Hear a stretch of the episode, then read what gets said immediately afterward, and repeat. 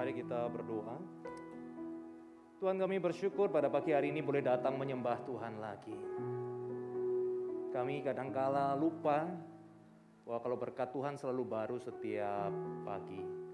Kami selalu klaim bahwa napas, bahwa bangun pagi, itu memang seharusnya milik kami.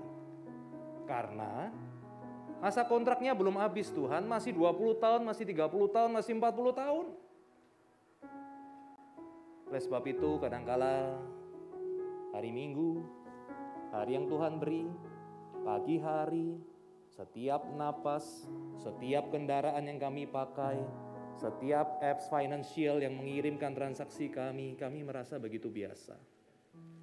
Padahal itu semua luar biasa. Sesuatu yang Tuhan kasih, sesuatu yang bisa hilang, tetapi Tuhan masih percayakan kepada kami. Kami mau bersyukur Biarlah lagu ini mengangkat hati kami sekali lagi bahwa kami datang ke Tuhan yang baik dan kami mau merasakan dan mau mengalami bahwa Tuhan itu sungguh-sungguh hadir, sungguh berbicara, sungguh membimbing, sungguh memegang tangan kami, sungguh menguatkan kaki kami, sungguh menjadi punggung di mana kami boleh bersandar tatkala kami lemah pada saat ini. Yaitulah Engkau, Tuhan kami, Yesus Kristus. Yalah Tuhan, waktu ini menjadi waktu yang indah kami merenungkan firman Tuhan. Dalam nama Sang Penebus, Sang Penyelamat Yesus Kristus, kami berdoa. Amin. Baik, semua sekalian boleh kembali duduk. Ya, kecuali kalau mau nemenin saya berdiri sih boleh aja sih ya gitu. Ya katanya kan kalau apa orang Kristen kan saling berbagi gitu ya, menanggung kesusahan satu sama lain ya. Kalau menguatkan saya boleh ya. Oke, uh, senang berjumpa saya uh, Markus ya dari GKI Sunter, melayani di GKI Sunter selama ini dan saya bersuka cita bisa hadir bersama dengan jemaat di sini juga yang beribadah di tempat. Dan peserta sekalian Anda melihat saya juga pakai masker dan sebenarnya teman-teman di sini semua juga pada pakai masker begitu ya. Cuma waktu di panggung ya kita uh, melepaskan masker ya karena jarak juga sudah lumayan dan kita semua juga sudah vaksinasi sebagian sudah booster ya. Jadi kalau Anda mau datang beribadah bersama-sama di GKY Puri dan khususnya juga di Sing ini ya boleh datang ya sama-sama ya kita GKY Sunter juga sudah tiga kali ibadah ya 7, 9 sama 11 AM begitu di Sunter. Oke, kita hari ini akan merenungkan satu tema yang sudah terus dibahas begitu ya di dalam sebulan ini gitu ya bagaimana hubungan tentang Tuhan, tentang cinta kasih Tuhan, kedaulatan Tuhan di dalam hidup kita. Nah terlepas daripada berbagai macam suasana modern sekarang yang namanya Tuhan itu memegang peranan penting sebetulnya dalam kehidupan manusia. Mungkin zaman modern adalah satu zaman yang paling menghina Tuhan, paling menganggap tidak penting Tuhan di dalam satu sejarah manusia. Lo kok tahu? Sekarang saya tanya. Anda pergi ke daerah-daerah suku mana pun juga, yang paling terpencil, mereka tuh selalu ada yang ditakutin. Gunungnya takut, lihat pohonnya takut, lihat laut takut, ada persembahan dan sebagainya. Hanya mungkin orang modern yang berani dengan jelas-jelas bilang there is no God. We don't need to talk about God. Kita bisa menjadi baik tanpa Tuhan. Tanpa menyadari bahwa kebudayaan itu kan tidak jatuh zaman modern itu jatuh blok tiba-tiba jatuh ke dunia tiba-tiba semua dunia jadi modern. Ya kan?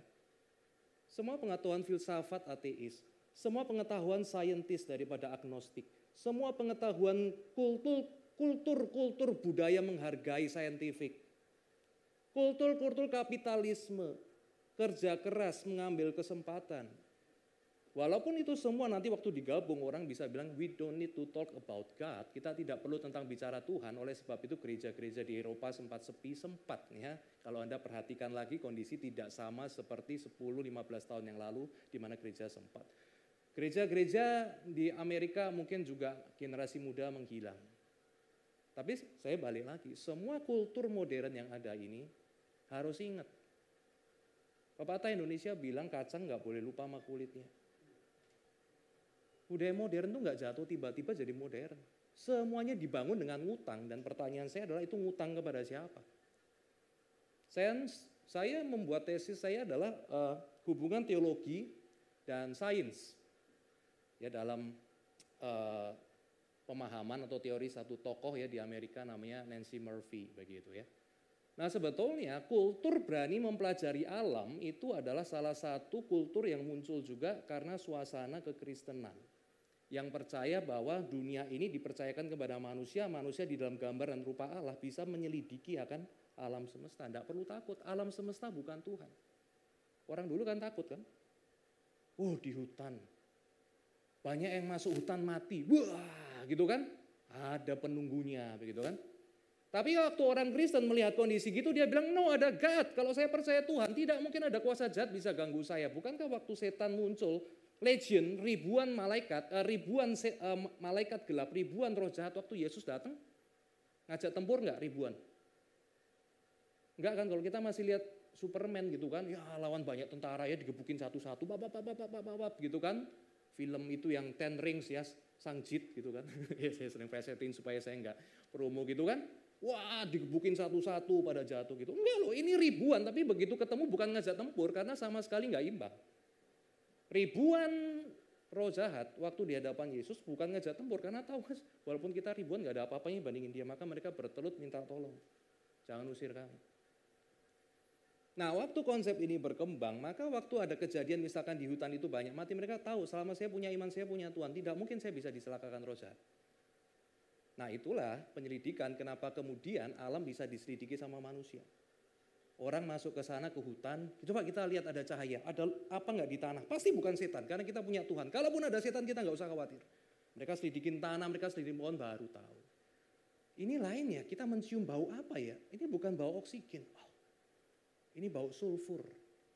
Nah, maka mereka mulai mengkira, makanya orang kalau terlalu masuk ke dalam, kemudian oksigen habis dan dia mulai hisap sulfur, lerang, dia mulai sesak napas. Dan waktu dia balik, dia mau pulang, dia sudah tidak ada tenaga. Sehingga kemudian mulailah ada yang namanya itu di dalam penelitian, itu ada nama hipotesis. Sebuah tesis, sebuah kesimpulan hipo, yang masih kecil. Maka kemudian Yesus mungkin banyak teman-teman kita masuk bukan mati karena setan, bukan karena Dracula, bukan karena vampir, bukan karena sundar bolong, bukan karena gendruwo. Tapi mereka masuk ke dalam mereka lihat-lihat kagum hutan, mereka cari kayu, tapi begitu mereka mau balik, mereka sudah tidak punya oksigen, sehingga mereka mati di tengah hutan. Dan karena semua orang takut di situ ada setan, mereka tidak berani masuk, sehingga akhirnya mereka itu menghilang, mungkin uh, tertutup ya akan tanah dan sebagainya. Nah, anda sadar nggak dari narasi saya, saya coba menceritakan siapa bilang teologi itu tidak penting, teologi itu sangat penting. Semua hal di dalam dunia ini kalau kita perhatikan itu sangat dipengaruhi dan sangat bertumbuh dan sangat pantas dianalisa secara teologis. Nah, oke, okay, jadi kita kembali saya rasa ini tema yang sangat menarik dan berani sekali begitu ya. Bahkan di dalam apa uh, pemahaman Alkitab Sabtu kita di GKI Sunter tiap satu Sabtu pun gitu ya kita uh, apa membatasi ya di tema kebaktian itu cuman bagi yang suka PA ya kita masuk ke topik-topik seperti ini. Nah, tetapi kita menarik sekali melihat bahwa isu kita adalah bagaimana tentang Tuhan ini berkaitan dengan penderitaan tentang evil ya, tentang suffering ya di dalam kehidupan saya sama Anda. Nah ini nggak gampang. Ya minggu lalu uh, Suantau Johan ya berbicara tentang bagaimana uh, suffering itu di dalam kehidupan dia. Ya gimana kerja itu ya, kehujanan, kepanasan, begitu ya mengumpulkan uang ya berusaha untuk bekerja its people have their own suffering. That's why to talk about suffering generally it will be very difficult. Itu sebabnya kenapa bicara tentang penderitaan secara umum akan sangat susah. Karena apa yang Anda rasa tentang penderitaan belum tentu Anda pernah rasa. Penderitaan berat saya belum tentu orang lain merasa itu penderitaan yang berat. Sufferingnya orang lain saya tidak ngerti kenapa mereka suffer. Kalau saya di kondisi mereka, saya tidak pernah di kondisi mereka. Nah jadi ini bukan hal yang mudah, tapi coba kita melihat begitu ya, dan kita membuka hati kita. Hari ini coba dipikir, kalau hari ini Tuhan Yesus ada di sini. Ya saya bukan bilang saya Tuhan Yesus ya, tolong yang di Youtube ya jangan dipotong. Ya nanti saya dikriminalisasi lagi ya. Oke, misalkan Tuhan Yesus ada di sini, dia tanya, hidupmu itu seberapa menderita sih? Hari ini apa yang kamu rasa penderitaan dalam hidup kamu? Saya coba jawab. Saya kasih satu menit jawab dalam hati aja. Tuhan saya menderita ini. Saya menderita saya merasa kurang kaya, saya menderita, saya punya depresi mental, saya menderita, saya merasa saya tidak bisa percaya kepada Tuhan, saya menderita, saya barusan diputusin pacar, saya eh, apa namanya eh, sedang mengalami masalah kematian. Oke, coba tapi anda jawab dulu dalam hati ya. Apa yang anda berani bilang God I am suffer gitu, oke? Coba apa?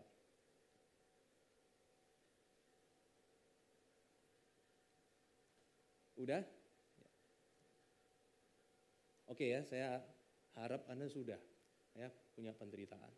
Saya sendiri kalau ditanya saya punya penderitaan, saya juga punya ya penderitaan-penderitaan itu. Nah, tapi kesadaran saya ini pernah menderita penting. Karena hari ini Tuhan mau berbicara kepada kita bagaimana penderitaan ini menjadi sebuah hal yang real.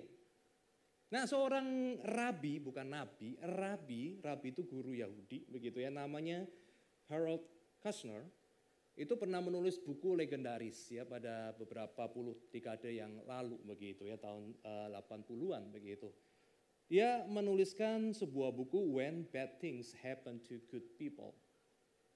When bad things happen to good people. Ketika hal-hal buruk terjadi kepada orang-orang Nah kita selalu merasa gitu ya bahwa kalau saya baik saya harusnya dapat baik.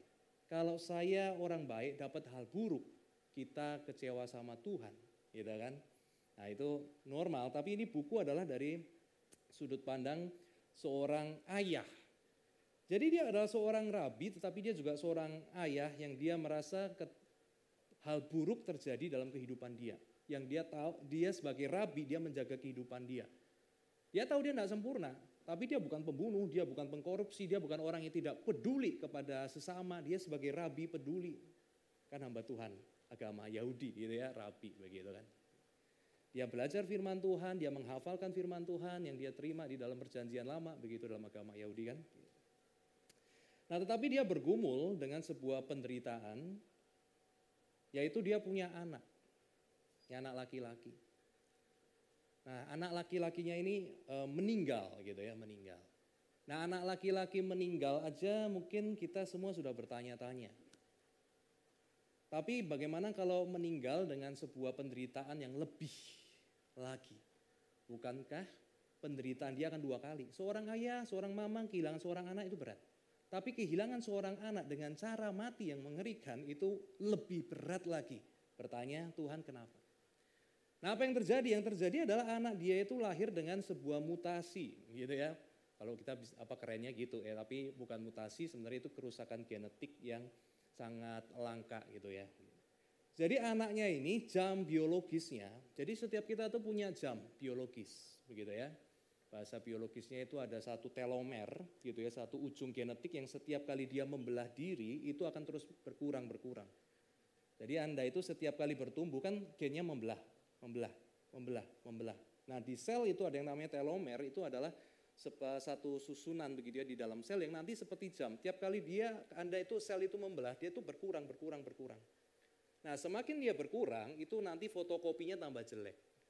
Replika sel kita, makanya kita semakin lama semakin tua begitu ya. Maka kalau ditanya sekarang cara untuk membuat manusia genetik untuk bisa lebih lama, salah satu yang dikejar gitu. Gimana sel itu bisa bereproduksi tanpa dia itu mengurangi telomer gitu ya, semakin kecil ya, bisa dipertahankan sebisa mungkin sehingga regenerasi manusia itu bisa selalu baru begitu, tidak berkurang, fotokopinya tidak rusak begitu ya, sehingga kita tidak menua. Nah masalahnya adalah jam biologis dia itu berjalan tujuh kali lebih cepat daripada saya sama Anda. Jadi waktu dia umur satu tahun dia sudah seperti umur tujuh tahun. Waktu dia umur tujuh, dua tahun umur kurang lebih 14 gitu ya, kurang lebih ya. Tapi kurang lebih dia pada usia 5 tahun dia itu sudah seperti usia 35 tahun. Memang masih kecil, masih pendek, tapi sudah mulai keriput, sudah ada, begitu ya, matanya sudah mulai plus. Dan pada usia 9 tahun dia sudah seperti usia itu 70-80 tahun.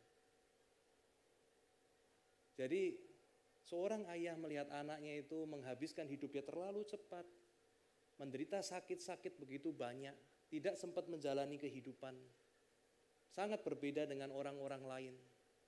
Dia sangat bergumul dan sampai akhirnya anak ini meninggal, dia bertanya-tanya, kenapa Tuhan? Nah ini pergumulan iman. Makanya waktu saya tadi tanya, Anda serius nggak dengan pergumulan itu sebuah hal yang penting. Karena waktu kita serius dengan penderitaan kita atau penderitaan orang lain, kita sungguh-sungguh membawa hal ini kepada Tuhan. Dia membawa diri kepada Tuhan dan yang menarik adalah kalau secara teologis ya berdasarkan semua pengalaman pembacaan firman Tuhan dia dan juga pengalaman hidup dia, dia sampai pada kesimpulan bahwa Tuhan itu baik. Ah, cocok enggak masalah ya, Tuhan itu baik. Cocok dong sama Kristen juga cocok ya bahwa Tuhan itu Tuhan yang baik begitu kan. Emang ada Tuhan yang nggak baik? Ada, tapi saya nggak mau masuk ke filosofi agama-agama. Ada agama-agama tertentu yang percaya ada Tuhan yang tidak baik. Tapi kalau kita Kristen kita percaya Tuhan baik. Tapi kemudian dia mengatakan kesimpulan itu adalah Tuhan itu baik tetapi Tuhan itu tidak maha kuasa. Paham ya? Kenapa? Kalau Tuhan baik dan Tuhan maha kuasa, kenapa Tuhan tidak tolong supaya good people itu tidak mengalami bad things? Dia bilang, karena Tuhan gak maha kuasa. Tuhan tuh baik, Tuhan merencanakan yang baik. Tapi ada hal-hal di dalam dunia ini yang tidak bisa dia rubah. Misalkan dia bilang masalah genetik. Tapi Tuhan baik, Tuhan hibur anak saya, Tuhan akan bawa anak saya ke surga, Tuhan akan memelihara akan hidup saya Harold Caster, Tuhan akan memakai saya menulis buku jadi berkat, Tuhan baik. Tapi Tuhan gak maha kuasa, ada hal-hal tertentu Tuhan lepas tangan, oh gak bisa apa-apa. Dan buat dia ini adalah penjelasan paling masuk akal berdasarkan pengalaman penderitaan dia. God is good, but God is not all powerful. Nah, Bagaimana ya kita sekarang e, melihat penderitaan itu? Kalau berdasarkan Alkitab kita melihat misalkan dari Wahyu 21 ayat 3 sampai 5 dan saya mempercayakan ini e, menjadi pembacaan kita ya Wahyu pasal 21 ayat 3 sampai 5 saya membacakan Lalu aku mendengar suara yang nyaring dari tahta itu berkata, Lihatlah, kemah Allah ada di tengah-tengah manusia dan ia akan diam bersama-sama dengan mereka. Mereka akan menjadi umatnya dan ia akan menjadi Allah mereka dan ia akan menghapus segala air mata dari mata mereka dan maut tidak akan ada lagi. Tidak akan ada lagi perkabungan atau ratap tangis atau duka cita sebab segala sesuatu yang lama itu telah berlalu. Ia yang duduk di atas tahta itu berkata, Lihatlah aku menjadikan segala sesuatu baru. Dan firmannya, tuliskanlah karena segala perkataan ini adalah tepat dan benar. Jadi Tuhan di dalam sebuah janjinya nanti di dalam dunia yang baru itu akan menghapuskan segala air mata. Mau tidak ada lagi, tidak akan ada lagi meratap berkabung atas kehilangan kematian. Tidak akan ada lagi duka cita sebab segala sesuatu yang lama itu telah berlalu. Dan saya percaya ini menjadi sebuah bukti begitu ya bahwa Tuhan itu berkuasa Baik atas dunia yang ini sekarang yang jatuh dalam dosa, yang dia akan perbaharui dan dia juga berkuasa di dalam langit dan bumi yang baru, di mana semua akibat dosa, semua kerusakan-kerusakan yang diakibatkan oleh dosa itu akan diperbaiki di sana dan tidak berkuasa lagi. Nah jadi kalau saya pribadi tentu aja saya mengajarkan apa yang gereja percaya ya bahwa Allah adalah Allah yang baik dan Allah yang maha kuasa. Itu adalah yang gereja segala abad dan segala tempat katakan, gitu kan sampai saat ini. Nah, tetapi kita juga menyadari begitu ya bahwa memang penderitaan ini real. Penderitaan ini real. Memang Tuhan berkuasa, tetapi penderitaan itu nyata di dalam kehidupan kita. Nah, hari ini saya tidak mau masuk ke part pertama. Ya, part pertama itu adalah kalau Tuhan baik, kenapa ada penderitaan? Oke, saya tidak akan masuk ke sana, tapi saya akan masuk ke sini satu hal. Uh, hal berikutnya ya, part 2 adalah Tuhan Maha Kuasa dan ada penderitaan karena dosa. Tetapi ternyata Tuhan juga mengajak kita untuk menjadi agen-agen atau oknum-oknum yang menghadapi penderitaan itu bersama-sama dengan Yesus. Gitu ya. Nah kalau kita lihat tadi di bagian terakhir dikatakan maka Allah itu akan berkemah di tengah-tengah umatnya, di langit dan bumi yang baru. Kita jangan lupa bahwa kemah ini bukan Allah berkemah di tengah-tengah umatnya, bukan cuma nanti waktu akhir zaman. Sebetulnya Allah berkemah itu sudah pada waktu Yesus itu datang ke dalam dunia. Yohanes pasal yang pertama. Maka dia berdiam bersama dengan kita. Anda bisa baca di situ.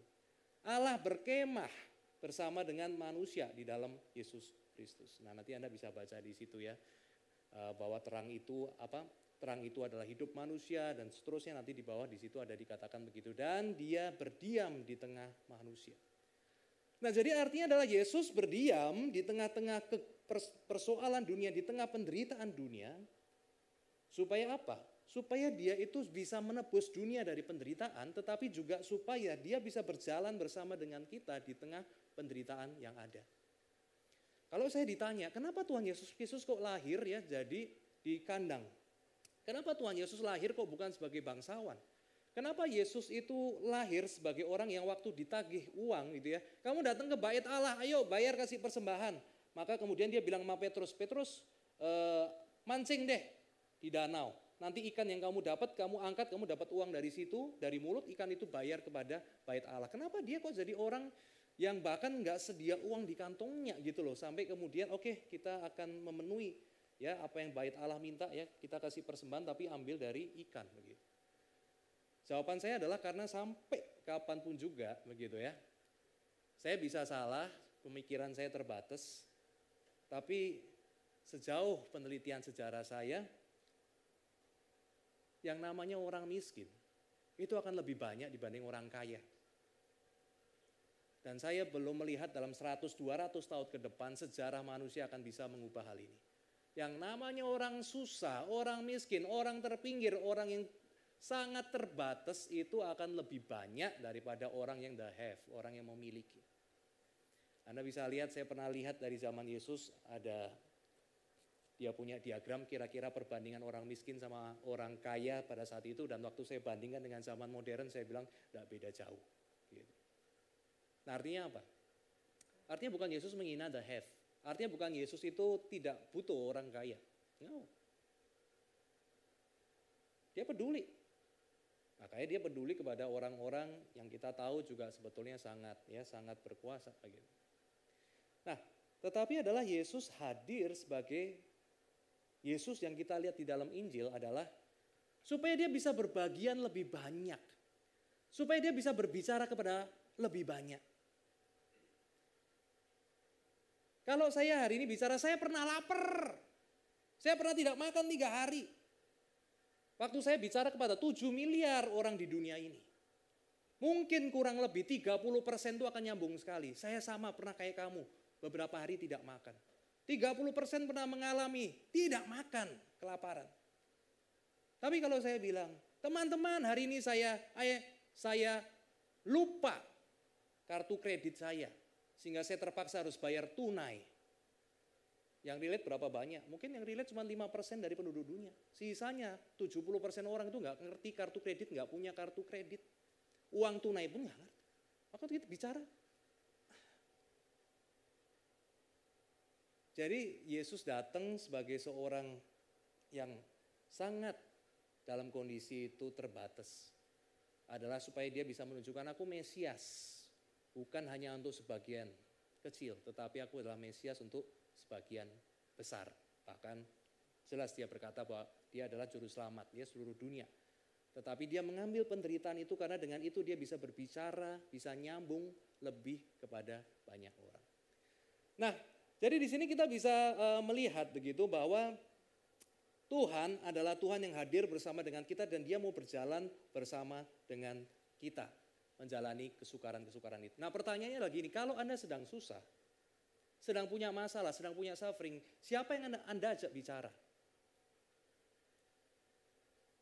Papa, mama, kakak, adik, teman baik, hamba Tuhan, atau netizen. Dan saya khawatir kita itu sekarang kalau punya masalah, punya suffering, kita bicara sama netizen. Makanya melihat insta, apa insta story itu sangat menarik. oh mobil gua bocor. Gitu kan? Wah celaka nih apa gitu ya. Oh punya masalah ribut sama suami gitu kan. Sorot, suami pergi ninggalin gua sendiri crying. Gitu kan? masalah sama orang tua gitu kan. Instagram pintu tutupnya break gitu kan. I have enough with this family. It's okay, it's normal. Setiap zaman punya cara kita untuk sharing gitu ya. Pertanyaannya adalah kembali, is it enough? Apa itu cukup? Bahkan kalau kita tarik lebih bawah, is it right? Makanya saya sering kali kelihat teman-teman itu kalau kemudian ya ngomel-ngomel gitu ya. Wah gue dikomentari netizen nih ada haters nih ada yang ngejar-ngejar gue ada yang salah tuduh gue. Gue bilang ya salah lu sendiri. Waktu lu minta penghiburan dari dunia ya ini yang lu dapat. Lu mendapatkan apa sebagian menghibur sebagian menghina. Kenapa ya karena mereka adalah penduduk dunia. Gue bilang kalau lu tanya lu ngobrol sama pencipta kamu, ya pencipta kamu tidak akan menghakimin kamu karena dia yang ciptakan kamu, dia pasti care sama kamu. Jadi satu-satunya pihak yang waktu di dalam penderitaan kita itu berkeluh kesah, dia akan menerima kita, dia akan memulihkan kita, dia ngertiin kita cuma satu, Tuhan. Cuman kadang-kala kita nggak bisa lihat Tuhan, sehingga kita lebih pilih netizen. Tapi pertanyaannya, bisa lihat atau tidak bisa lihat, it's not the problem. The problem is relationship, hubungan. Kalau kita berhubungan sama Tuhan, kita rajin berhubungan sama Tuhan, kita rajin curhat sama Tuhan. Walaupun kita nggak bisa lihat dia, kita tetap bisa mengalami akan penghiburan dia. Kita bisa tetap melihat Yesus itu hadir di dalam orang-orang yang mendukung kita. Dan kita bisa melihat setan tuh hadir di dalam haters-haters kita. Eh sorry ya itu di skip aja ya. Saya nggak bilang haters gitu ya. Ya kita bisa melihat bagaimana waktu ada haters menghina kita, yang menghakimin kita, orang yang tidak suka menghakimin kita. Kita bisa menemukan bahwa uh, it's hurt, but I'm not alone. It's hurt, but I'm not alone. Saya sakit, tetapi saya tidak sendirian. Nah, Inilah yang kita harapkan itu terjadi ya waktu kita itu mengalami sebuah penderitaan bahwa Tuhan Yesus yang saya percaya, bahwa teologi saya, pengenalan saya akan firman Tuhan itu menjadi bagian nyata di dalam saya menjalani hidup saya. Nah, ini adalah sebuah hal yang kita harapkan itu muncul ya di dalam kehidupan kita. Yesus masuk dalam kehidupan kita. Nah, oleh sebab itu eh, teman-teman sekalian saya mengajak kita untuk boleh melihat waktu Anda ada di dalam penderitaan, Anda itu curhat kepada Tuhan seberapa banyak. Anda bicara sama Tuhan itu seberapa dalam. Anda memberikan waktu Anda buat Tuhan itu seberapa banyak, itu penting sekali. Penting sekali. Kenapa penting? Karena banyak sekali di dalam dunia ini sekarang godaan untuk kita itu beralih kepada yang lain. Terutama gadget kita sekarang. Itu banyak sekali. Oleh sebab itu mengambil waktu untuk kita itu dekat sama Tuhan, berelasi sama Tuhan, merasakan hadirat Tuhan itu menjadi sebuah hal yang kita harus latih, kita harus kasih waktu ya sungguh-sungguh. Merasakan Tuhan di dalam hubungan pribadi kita dengan Tuhan. Ya walaupun nanti ada community betul gitu ya. Kadang ada yang tanya komplain, nah, emang Tuhan nggak bisa di dunia maya? Bisa. Tetapi kita balik dulu kepada sesuatu yang natural, yang uh, bukan natural ya, yang lebih biasa ya bahwa kita itu perlu memberikan waktu secara pribadi dengan Tuhan. Oke, seberapa penting itu? Sangat penting kita melatih itu. Caranya, ambil waktu berdoa, itu bicara pribadi sama Tuhan. Berapa banyak Anda punya masalah misalkan saham turun. Anda teriak-teriak kan? Gak banyak loh orang Kristen bisa dua gini. Aduh Tuhan, silakan Tuhan, sahamnya turun Tuhan. Aduh silakan nih uang gue hilang nih. Aduh Tuhan tolong nih, ya baru bullish nih. Gue nggak, gue nggak mampu Tuhan kalau kehilangan uang. Gue nggak mampu nih kalau kiri Tuhan. Gue nggak ngerti hidup gue kalau gue jadi orang kiri itu kayak apa Tuhan. Tuhan gimana ini Tuhan? Enggak, banyak orang Kristen kalau saya tanya, aduh lu kenapa kusut? Aduh kemarin gue trading kalah kok. Terus lu doa apa? Tuhan tolong, Tuhan tolong. Gitu kan?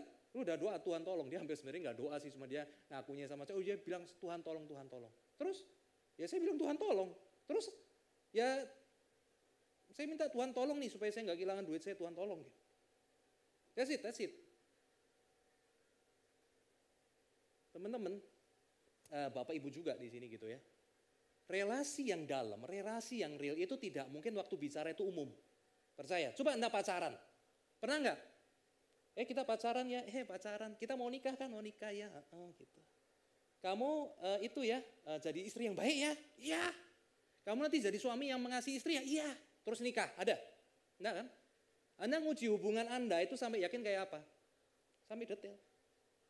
Kamu, uh, aku nanti kalau baru PMS, kamu marah nggak sama aku kalau aku nanti uring-uringan. Oh ya enggak, gua ngerti kalau kamu uring-uringan ya kamu PMS nanti aku tinggalin kamu di rumah, gua pergi nanti gitu kan. Nah misalkan gitu kan. Nah dari respon gitu kan kita ngerti kan. Wah ini laki gawat ini, dia nggak mau menderita sama saya gitu kan. Kalau gua susah dia pergi sendiri gitu. Nah kita saling bicara, kamu suka apa makannya. Bahkan ada yang bisa cerai gara-gara, eh nggak jadi nikah kan gara-gara itu kan. Yang satu makannya pedes, yang satu makannya manis. Gak pernah cocok. Im yang, gitu kan. Jadi akhirnya wah nggak bisa deh kita ya tiap kali gue ke tempat lu gue sakit perut gitu kan. Tiap kali lu ke tempat gue lu diabetes. Nah gitu kan. Akhirnya gak jadi. Hal detail itu penting dalam relasi kita sama Tuhan. Detail. Gua kacau nih Tuhan kenapa? Gua kacau. Gua kacau karena masalah ini Tuhan. Masalah relasi yang kayak gini, perasaan gua kayak gini, ini masalah finansial, masalah finansialnya begini. Perlu bro. Karena Anda sadar nggak sadar dengan kita membicarakan detail dengan Tuhan.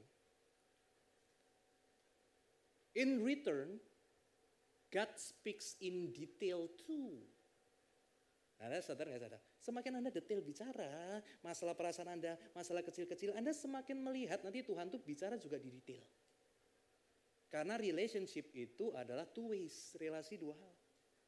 Percaya deh waktu Anda doain Tuhan, bos gua ini kok bencek no kalau orang bahasa Jawa gitu ya jengkelin gitu ya. Dia ini orangnya gini, dia sering neken saya, ini ada kejadian begini kan detail kan. Kejadian tadi siang begini, lalu begini. Anda sadar nggak sadar ya, waktu Anda bergaul sama Tuhan, nanti suatu saat ya di dalam penderitaan waktu Anda ada kesulitan sama dia, bos ini. Anda nggak tahu, nanti Anda bisa ngalamin. Loh, tiba-tiba kok saya lihat bos saya itu di kantor dia kok gebrak-gebrak meja. Baru dia keluar marahin saya. Nah, Sometimes, waktu kita membawa bos kita sadar tidak sadar ternyata ya kita kalau mau bicara secara teologis roh kudus itu membimbing kita. Tapi di belakang itu saya juga percaya ada sedikit penjelasan psikologis. Sesuatu yang kita bicarakan secara pribadi itu muncul dari unconscious kita, dari ketidaksadaran kita. Waktu kita doakan kan kita paksa dia muncul ke conscious, ke kesadaran. Artinya apa? Hal yang sebelumnya kita nggak perhatikan waktu kita bicarakan, otak kita mulai sadar. Karena saya bicarakan masalah bos saya ke hadapan Tuhan, saya sadar, oke okay, bos ini berarti perlu saya pikirin. Walaupun tidak sadar, tetapi di subconscious. Dia itu processing, background processing kalau Anda komputer. Dia sedang memproses, karena diangkat filenya. Nah waktu ini kita bawa kepada Tuhan, ini muncul roh Tuhan bekerja. Nah itu yang sering kali kita bilang, kok kebetulan ya? Datang, bos, kenapa bos gebrak-gebrak meja ada masalah? Ini saya bawa kopi bos. Hati yang penuh kasih kan? Harusnya ada kalau ada roh. Minum kopi dulu bos, tadi kayaknya ada masalah. Sorry. Gue sering marahin lu, sebenarnya gue tuh memang ada masalah. Tapi malah kamu yang datang dulu baikin saya. Minta maaf ya, gue memang baru ada masalah bro. Saya ada masalah. Saya gede, thank you banget. Tapi tolong deh ya, lu support saya. Baru tadi kita bilang, kebetulan gue lihat ya, Gara-gara kejadian itu loh, saya lihat gebrak meja, saya bawain kopi, hidup saya berubah.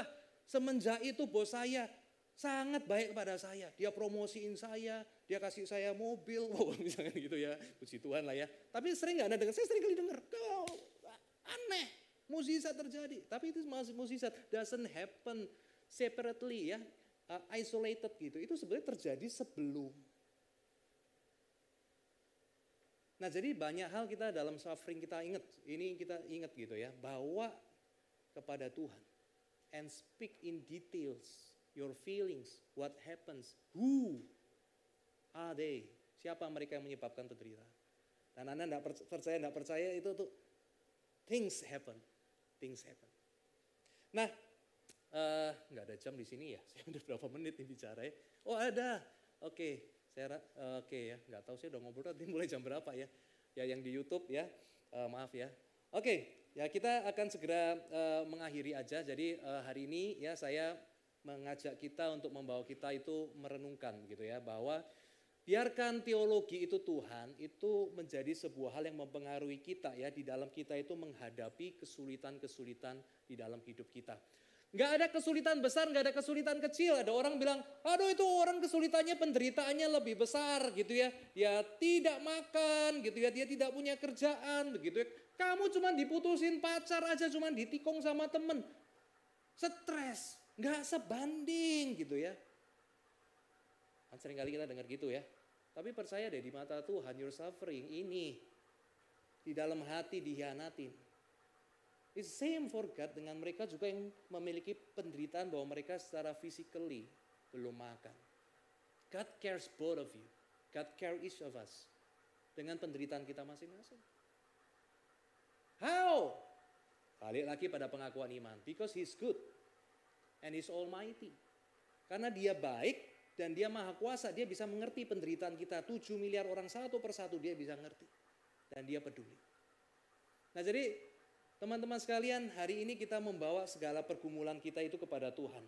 Ya, setiap pergumulan kita baik yang fisikal, mungkin kita ada yang sakit, mungkin juga yang emosional, begitu ya, ada di antara kita itu yang punya masalah-masalah emosi, sedih, putus asa, merasa hidup tidak ada arti, penderitaan-penderitaan yang bersifat relasional gitu ya, relational.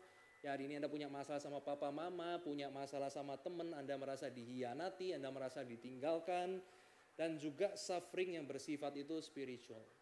Ya Anda merasa tiap malam diganggu roh jahat, Anda merasa hidup itu tidak ada arti, Anda merasa Tuhan itu baik, Anda Anda tahu Tuhan itu baik, tapi Anda merasa Tuhan tidak baik, dan tiap kali datang ke gereja hati Anda itu kayak disobek begitu ya. Di satu sisi saya ke gereja mau memuji Tuhan, saya tahu Tuhan itu baik patut disembah.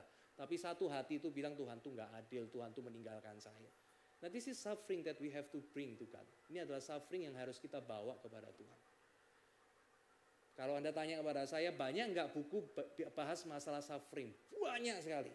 Dari yang filosofis, teologis, psikologis, sosiologis, ya sampai yang buku kesaksian-kesaksian, banyak.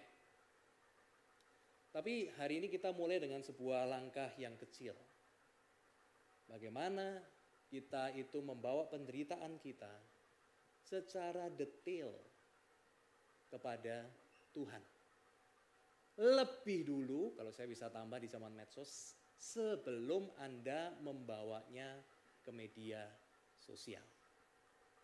Give God the first priority. The others follow. Yang lain ikut di belakangnya. Prioritas berikutnya. So, uh, ini ada satu praktek spiritual yang hari ini saya minta Anda untuk coba lakukan dan Anda buktikan sendiri. Benar enggak? Tidak semua kasus sama, ya tidak semua kasus sama. Tapi at least you have to try. Tidak semua investasi cocok buat Anda, tapi at least Anda harus coba langkah pertama nginvest sehingga Anda bisa belajar apa yang cocok, apa yang salah Anda bisa perbaiki. The first step adalah malam ini Anda belajar berdoa in details untuk setiap suffering Anda. Caranya details kayak apa? bicara what you feel. What you feel. I feel hatred. Aku merasakan kebencian. Saya merasakan kesedihan. Saya merasakan kegelapan. Saya merasakan kemarahan. Saya merasakan hal yang lain. Bicara. Feel what you feel. If I don't feel anything, that's the first step. Just say, God, I do not feel anything. Oke, okay? jadi what you feel. Setelah what you feel kita baru bicara kontennya. Kenapa saya merasa ini? Aduh Tuhan, ini ada yang terjadi. What happened? Who taking place? Siapa yang ada di dalamnya? Papa, mama, Lydia, Kinan, sebut namanya. Feel. Speak in details. What they have done to you. Apa yang mereka lakukan. Kemudian Anda bisa bicarakan, what kind of help that you want God to do? Bicara. Nah, Anda coba lakukan ini pada malam hari ini, dan saya harap ini tidak menjadi pembahasan ya deskriptif tentang Tuhan dan penderitaan, tapi saya ingin you try something, Anda coba sesuatu spiritual practice ini, and you found it real. Anda menemukan bahwa itu real. bahwa Tuhan itu bukan Tuhan yang dibicarakan di mimbar gereja ini, yang ditayangkan di layar ini, this outside. Tapi saya ingin Anda sekarang yang di YouTube maupun yang ada di sini, semua Anda ngalamin yang dikatakan di dalam Alkitab. Mendekatlah kepada Allah dan dia mendekat kepada Hari ini saya membawa satu hal itu. Mendekatlah dengan cara ini and see how God responds back to you, how and see how he speaks in details that will amaze you. Ternyata Tuhan bisa berbicara dengan hal yang saya tidak pernah lihat. Waktu saya membawa detail-detail, dia bicara kepada hal-hal yang detail juga dalam kehidupan saya. Inilah pengantarnya Inilah prolognya hari ini. Tapi filmnya cuma bisa Anda sendiri yang buat dalam kehidupan Anda pribadi. Dan saya harap Anda menikmati sebuah pengalaman real yang indah setelah ini. Take it or leave it. And I hope that you will take this spiritual advice. Mari kita berdoa. Tuhan kami datang ke hadiratmu, kami serahkan perenungan kami pada pagi hari ini ke dalam tangan Tuhan. Dan kami ingin sekali Tuhan, kami tidak hanya mengerti tentang Tuhan dan penderitaan, tetapi kami ingin Tuhan juga mengalami bagaimana Tuhan itu sungguh-sungguh ada, Tuhan sungguh-sungguh berbicara, Tuhan sungguh-sungguh berkemah tinggal bersama dengan kami, berjalan bersama dengan kami, dan bagaimana Tuhan kami bisa melihat Tuhan lebih besar daripada apa yang kami tahu sekarang. Tuhan berbicara dengan cara yang lebih banyak. Tuhan menunjukkan hal-hal yang lebih ajaib. Tuhan menunjukkan channel-channel yang kami tidak pernah sangka itu akan menguatkan kami, menolong kami di dalam penderitaan kami. Terima kasih Tuhan. We want to see bigger. We want to see you work more. Dan kami memulai dengan sebuah langkah kecil yang hari ini kami renungkan malam ini sebuah doa yang sangat menentukan waktu kami membawa hidup kami secara pribadi, secara detail di hadapan Tuhan. Dan kami mau melihat sesuatu yang besar sedang dibangun, sedang digarap. Sehingga pada akhirnya kami boleh berkata, terpujilah nama Tuhan. Karena engkau sesungguhnya adalah yang baik dan Allah yang hidup Terima kasih Tuhan, kami serahkan akan perenungan ini ke dalam tangan Tuhan. Kami akan melanjutkan bersama-sama juga di dalam doa ini Tuhan. Hati yang mengakui dosa dan kesalahan kami setelah mendengarkan firman Tuhan. Mari kita mendoakan dua hal. Yang hari ini hidupnya didominasi oleh suffering Aku sial, aku kurang pinter, aku kurang ganteng, aku kurang cantik, orang-orang tidak suka aku, aku menderita, aku punya masalah finansial, aku menderita. Mari hari ini kita berkata, Tuhan ampuni aku, aku berdosa. Aku fokus kepada penderitaanku dan aku bukan fokus pada Tuhan. Mari kita minta ampun untuk kita yang hidup seperti itu.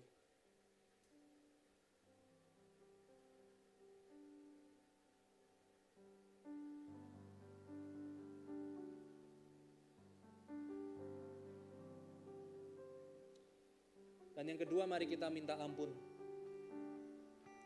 Kalau kita adalah orang Kristen, tapi kita nggak pernah personal, nggak pernah detail sama Tuhan. Semua omongan kita itu abstrak, umum. Percakapan-percakapan yang kita berikan kepada orang-orang yang kita tidak kenal. Kepada orang-orang yang kita mau menjaga jarak. Kepada orang-orang yang kita tidak mau dekat. Kita bilang Tuhan maaf Tuhan. Aku kurang detail sama Tuhan, aku kurang personal sama Tuhan. Tapi hari ini aku nggak mau sia-siain hidupku Tuhan. Ini waktu aku punya relasi yang nyata Tuhan dengan Kau. Relasi yang begitu detail, relasi yang begitu personal. Dan aku akan mengalami Engkau lebih dalam lagi, lebih luar biasa lagi ya Tuhan. Ampuni Tuhan dosaku.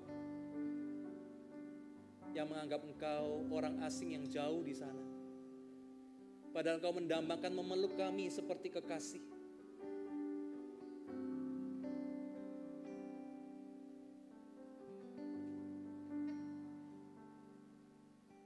Ya Tuhan Yesus Kristus, dengarkan hati yang berseru ini. Karena firman Tuhan hari ini sudah menegur kami dan kami mengakui dosa dan kesalahan kami. Dan kami percayakan ke dalam tangan Tuhan, hati yang berseru ini, hati yang mengerang, yang merindukan Tuhan di tengah penderitaan hidup ini. Kiranya kami boleh mengalami sungguh bahwa Tuhan kau masuk ke dalam hidup kami. Engkau berbicara kepada kami. Engkau menjadi sosok yang tidak terlihat dan tidak terpegang, tetapi real di dalam hidup kami. Engkau senyata pikiran kami. Engkau senyata perasaan kami.